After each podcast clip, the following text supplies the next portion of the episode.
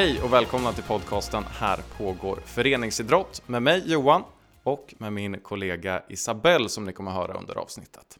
Podcasten den görs av Örebro läns idrottsförbund och SISU Idrottsutbildarna i Örebro. Avsnitten släpps varje torsdag, förutom då förra torsdagen eh, då vi var tvungna att ställa in inspelningen på grund av sjukdom. Jag hoppas att ni klarar er ändå och är riktigt taggade inför veckans avsnitt istället. Idag så gästas vi av eh, landslagsspelarna i handboll, Anna Lagerqvist och Karin Strömberg. Båda de här tjejerna är idag proffs i Danmark, men har innan dess avslutat högskolestudier hemma i Sverige. Något som kanske är lite mer typiskt för tjejer än killar och kanske till och med förväntas. Vi gör väl så att jag lämnar över till ja, mig själv och Anna och Isabelle och Karin eh, på Idrottshuset i Örebro där vi träffade tjejerna inför landskampen mot Färöarna som spelades där. Men jag vill också påminna om att hör jättegärna av er med synpunkter, önskemål, tankar kring avsnitten eller framtida avsnitt till podd.olif.se. Vi svarar så fort vi kan på den mejladressen. Vi tar jättegärna emot era synpunkter. Men nu så lämnar vi över och lyssnar på vad Anna Lagerqvist och Karin Strömberg hade att säga.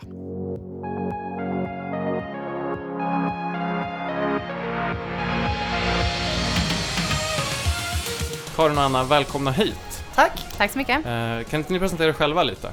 Jo, eh, Karin Strömberg, jag är 24 år, kommer från Stockholm, eh, spelar i Viborg HK i Danmark och bor där. Eh, spelar mittnia och har spelat handboll i 20 år. Mm. Ja, eh, Anna Lagerqvist, också 24 år, men från eh, Skåne, Lund. Och nu har jag spelat mitt första år utomlands i danska laget eh, NFH och är mittsexa. Och ni är här i Örebro nu för att spela landskamp. Ja, precis. Ja. EM-kval. Ja. Så sista matchen här nu mot Färöarna. Mm. Härligt. Hur, hur, hamnade, hur hamnade ni här i Örebro? Med landskampen, har ni koll på det eller det kanske bara blev så? Nej, jag vet inte Nej, det brukar väl varför. vara städer som ansöker som kanske nu när vi är med någonting här för att promota handbollen lite extra så blir det lite Sverige-turné. Inte så ofta de största städerna, liksom Göteborg, Malmö, Stockholm, utan ofta lite mindre städer där vi kommer för att spela. Precis, bara väck, eh, så här, väcka intresse för handboll. Mm. Så vi har spelat på lite olika ställen som Trollhättan tidigare och, Mm. Så brukar och sådana ställen. Eh, vi har bjudit in här er till våran podd för att vi vill prata om jämställdhet. Och jag undrar om ni eh, ser till idrott i stort. Skulle ni säga att handboll är en eh, mer jämställd idrott än andra idrotter? Jag tror det. Eh, utan att ha någon expertis om andra idrotter. Men eh, såklart finns det skillnader och det finns ju massa saker som man velat ändra där. Men eh, som vi diskuterade lite innan så till exempel så har ju förbundet jobbat med ett projekt med att 2017 så ska det vara jämställt mellan dam och herr och bara, nu tänker jag bara landslag, så eh, lönemässigt eh, och det har man ju uppnått. Eh, och det tror jag inte gäller i särskilt många sporter utan att veta exakt. Mm. Nej, jag ska precis säga jag har nästan endast hållit på med handboll så jag har inte heller testat på någon annan sport. Nej. Men det känns i och med att damsidan har varit väldigt framgångsrik också. Mm. Det känns som att då har också man kunnat ställa krav och på att det ska bli mer jämställt. Mm. Och där känns det som att handbollen har kommit mycket längre än andra sporter. Ja, men obs också på att det har varit mycket jobb.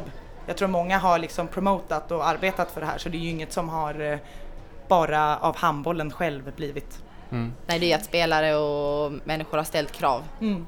Ja. ja, men du var inne på det lite grann. Det har ju varit liksom väldigt mycket uppmärksamhet i media också kring framförallt mästerskapen då, Mm. eh, kring handbollen. Eh, tror ni det liksom har gett en sving med? Att folk har liksom, samtidigt som det faktiskt inte gick så bra för herrarna också, tror ni, Mm. kan det ha hjälpt till att det liksom blev mer jämställt då för att intresset blev större? Jag tror absolut att eh, med, med damlagets framgångar har man kunnat eh, kanske fått lite mer kött på benen för att ställa krav. Mm. Eh, just för att vi presterar Mm. eh, än de är från andra sporter. Det tror jag också. Och att eh, handboll är ändå en bra publiksport. Det händer mycket och kanske där skillnader mellan dam och herr som ofta belyses i sådana här frågor tycker jag att det, ja, det är så stor skillnad i idrottsliga prestationer. Att det faktiskt kan se tjusningen i att dam och herr har olika Liksom, herrar kanske spelar snabbare, mer tekniskt men damidrotten där kanske det finns mer spel eller man kan gå lite långsammare så att någon kanske ser liksom spelet i sig på ett annat sätt, vilket jag tror kan göra att det blir roligare.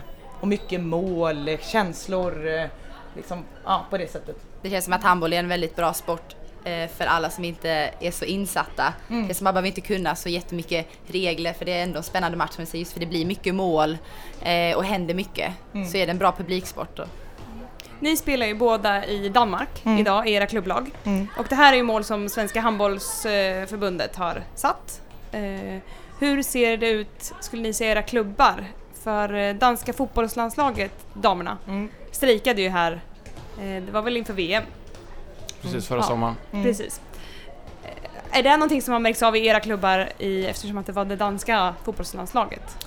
Jag vet att vi diskuterade vid den tidpunkten, men jag tror också att det är svårt för att i Danmark generellt är handboll eh, verkligen, jag tror den populäraste sporten. Mm. Alla vet något om handboll och man har varit med under flera år i och med att det har varit en så bra liga och både på herr och damsidan.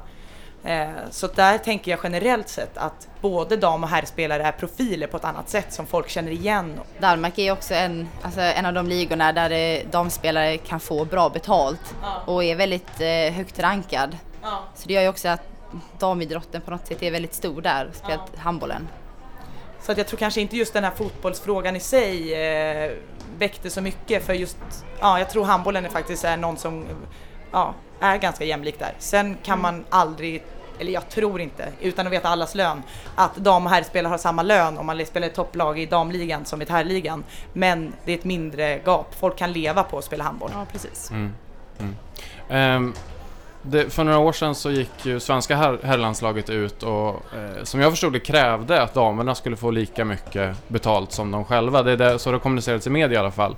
Eh, och det, det slutade med att de sänkte sina arvoden för att vara i landskamper för att damerna skulle kunna få samma. Den typen av initiativ, Mm. eh, hur viktiga tror ni de är för att vi ska uppnå en jämställd idrott? Alltså, jag tror det är jätteviktigt. Alltså, generellt sett så eh, det gäller väl med jämlikhet i stort att eh, det är ju liksom inte en kvinnofråga om man skulle se det från det perspektivet utan det är ju någonting som alla har intresse i att det ska bli jämlikt och eh, det kämpas ju jättemycket från alla sidor där men ett stöd då vi säger från eh, män där i den frågan gör ju jättemycket för att det bara ska bli en fråga om jämlikhet för alla, inte bara där kvinnor försöker pressa på. Så absolut. Ja, nej, men med? verkligen. Jo. Jo, men verkligen att eh, så jag har varit mycket att damlaget drivit på, men verkligen eh, jag tror det ändå bra att eh, herrlandslaget ändå gick ut för att visa lite kanske då för andra sporter att det kanske inte är hela världen att gå ner lite. Nej, Som och sagt, att för det det kanske viktiga är, är- är att det är jämlikt. Mm, att det och att det bidrar till någonting bättre i framtiden. Att de här summan av pengar som de går ner i, i dagsersättning i fråga då eh, kanske har liksom ett eh, bigger cause. Precis, det kanske är mer en symbol för en större Ja. mening än just skillnaden i kronor. Ja. Hur skulle man liksom, för att jag tänker det, det är ett jättebra exempel på, det ser så ut överallt i samhället. Det är Mm. även liksom på arbetsplatser så är det ju fortfarande generellt att, att Mm. män har mer i lön än kvinnor. Eh, vad liksom, skulle man kunna ta det vidare in i det på något sätt? Eller vad, är det så vi borde göra? Att män borde gå ner i lön för att kvinnor ska få högre lön? Eller? Alltså det är väldigt svårt men det känns bara som i tider av eh, nu verkligen förändring av att i varje fall måste det ju hända någonting. Man kan ju inte bara vänta på att ja, det kommer säkert förändras över tid och så vidare. Men jag tror bara att någon typ av aktion generellt kring jämlikhet behövs för att det ska hända någonting. Annars kommer det gå alldeles för långsamt. Och det handlar inte heller om att män ska gå ner i lön för att kvinnor ska få mer. Men det känns som nu när, nu när det ser ut så i nuläget att män har mycket mer. Så behövs, som du säger precis, att det, då behövs det ske någonting. Och då, Och så måste jag säga att jag tror inte heller att det kanske, det är klart att det är lön, jätteviktigt, men det handlar ju också om strukturer kring så många andra saker. Alltså kring hur man beter sig socialt eller hur eh, liksom, eh, ja men... eh, det är väl med de normer, systematiska ja, exakt, skillnaderna. ändras. Och det är väl med att lönen är en, en konkret Ja. bild eller symbol för det. Mm. Än att det just handlar om det. Ja, det tror jag också.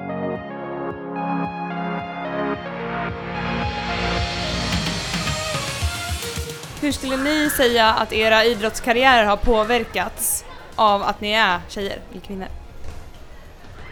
Alltså det är svårt att säga men jag tänker bara jag vet inte eh, hur du har haft det. Jag har haft en, eh, men liksom, jag har vuxit upp eh, i Stockholm och spelat och, och om man tänker alla tjejer som jag har spelat i mitt lag, där behöver man ju jobba och man behöver plugga för att det ska gå runt och man får inte särskilt bra lön för att spela. Det är ingen som kan leva på att spela.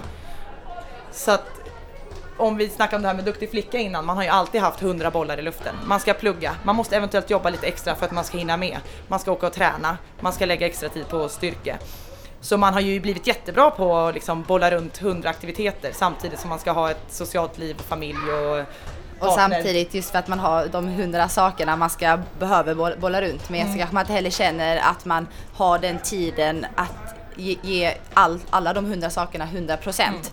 Så det, det kan vara flera gånger man har känt att man hade kanske behövt egentligen lägga in fler fyspass eller extra träningar för handbollen för att man vill bli bättre och utvecklas men att då har man skola eller man behöver jobba just för att man inte har de ekonomiska förutsättningarna.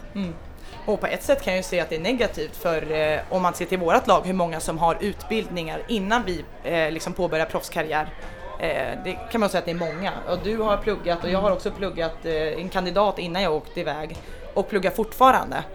Eh, så det måste man ju säga som någonting positivt som kanske killar också skulle göra generellt. Men de kanske inte heller behöver för man har en annan ekonomisk situation. Eh, Precis. Och det tycker jag också man har verkligen märkt nu i alla fall mitt första år utomlands.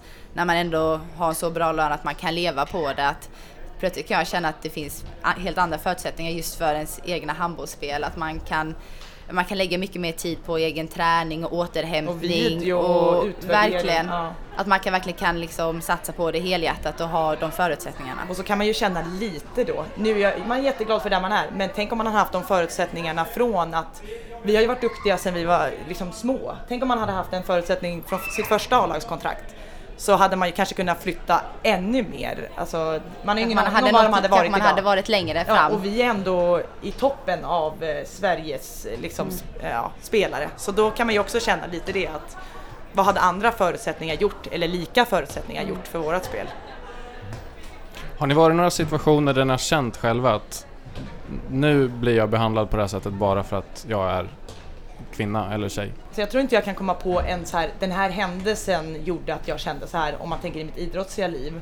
Men å andra sidan, alltså just det som jag sa innan så har mig den alltså tanken slagits alltså många gånger. Jag har en kille som spelar handboll och som liksom kanske har andra förutsättningar än vad jag har haft och man man har ju en inblick i idrott i stort och så känner man bara lite att man lägger ner så mycket tid på det att det kanske hade varit en annorlunda situation. Men jag tror inte jag har något på rak arm där jag har känt så här, nu är det nog. Nej, jag tror inte heller, jag, jag kan inte komma på nu i alla fall på stående fot så här eh, något alltså, tydligt exempel. Men sen, eh, jag menar jag kommer från eh, en klubb i Sverige där det finns både ett, eh, ett damlag och ett herrlag i elitserien. Och det märker man själv ibland när pengarna ska delas däremellan och, eh, och det är liksom, även ifall det kan vara då olika eh, prestationer för vi har gjort en bra säsong så eh, kan man ibland också varit frustrerad där. Den här podcasten eh, riktar sig mycket ut mot föreningslivet och jag är lite nyfiken på om ni har några liksom, eh, ja, men, konkreta tips på hur man eh, skulle kunna jobba eh, i föreningarna med att liksom eh, minska de här skillnaderna som du då nämner också. Att det, det märks att det är skillnad på ett herrlag och ett damlag när man har dem på samma nivå så att säga. Och det finns ju finns ju klubbar där det är en väldig skillnad även då när damlaget är på en mycket högre nivå än vad herrlaget är. Har ni något sånt som ni har tänkt på när ni har funnits i idrotten? Att varför gör man inte så här? Mycket svåra frågor nu. Ja, verkligen. Ja, Jag tror inte jag har något konkret. Jag vet inte om du som har varit i en klubb med både dam och herrlag kanske. Ja, men det jag tror att vi, eller som man framförallt har tänkt på är nog mer att det ska vara en öppen dialog i alla fall. För det vet jag, annars blir det lätt att man drar eventuellt fastare slutsatser om varför det är skillnader. Eh, och i alla fall att man får motiveringar för. Det har man ju hört många gånger det här. Ja men herrarna drar in eh, så mycket mer publik eller eh, vi gör mycket mer sponsorarrangemang med dem och så då har man, det har man väl kanske så här spontant tänkt så här, ja men vad, eh, vad har ni lagt samma krut på att Ja, liksom faktiskt... promota oss ah, damer? Det Där är tror jag att, nu har det blivit mycket bättre men det var ju lite samma om det var i landslaget innan det faktiskt sattes den här planen att det var att man inte riktigt visste hur det liksom låg till med intäkter versus bla bla bla. Och nu är det ju ty- mer tydlighet och då kan man kanske också acceptera i vissa fall. Men alltså bara man tar det här med liksom sponsoraktivitet eller kanske bjuder in till sponsormiddag innan en match. Att istället för att dra en fastställd slutsats att det inte är lika stort intresse för dammatch kanske man istället ska jobba lite extra för att få det intresset. Att man liksom, visst det kanske inte är lika lätt eh, som det är nu att locka sponsorer till damhandboll då till matcherna Mm. ifall det är så. Men att man då istället för att acceptera det liksom jobba med, ha det som en prioritering. Ja. Och villig att ta det extra jobbet. Ja, Det vet jag för några år sedan när vi spelade elitserien. Då var det helt plötsligt, ja, något år sändes 12 av 24 matcher på TV. Året efter så sålde man rättigheterna till en annan kanal. Fem matcher sändes. Och då var, kände man ju också lite så här. Jag, jag tror att det är ett aktivt arbete som vi snackade om innan att det är, kommer inte bli jämlikt eller intresset kommer inte bli större om man inte faktiskt lägger ner krut på det. Och att det kommer gagna alla, idrotten i stort och intresset för sporten. Eh. Framförallt att man inte bara accepterar att herrarna drar in fler, drar in mer intäkter utan jobba extra för att damerna ska, för damhandboll ska få större intresse.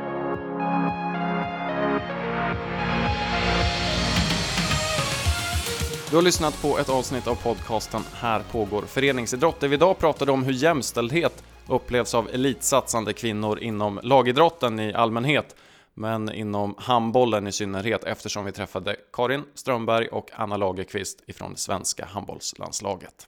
Jag hoppas att avsnittet har väckt lite tankar hos dig och är det så att du vill bolla vidare med någon eller att vi borde ta med oss någonting som du har tänkt på inför framtida avsnitt så får ni jättegärna höra av er på podd.olif.se. Vi svarar på era mejl så fort vi bara kan. Nästa vecka så släpper vi ett avsnitt om Relative Age-effekten. Vi kommer berätta mer om vad det är då och vi kommer koppla det till fotbolls-VM som drar igång den 14 juni. Jag hoppas vi hörs då. Ha det bra fram till dess. Hej då!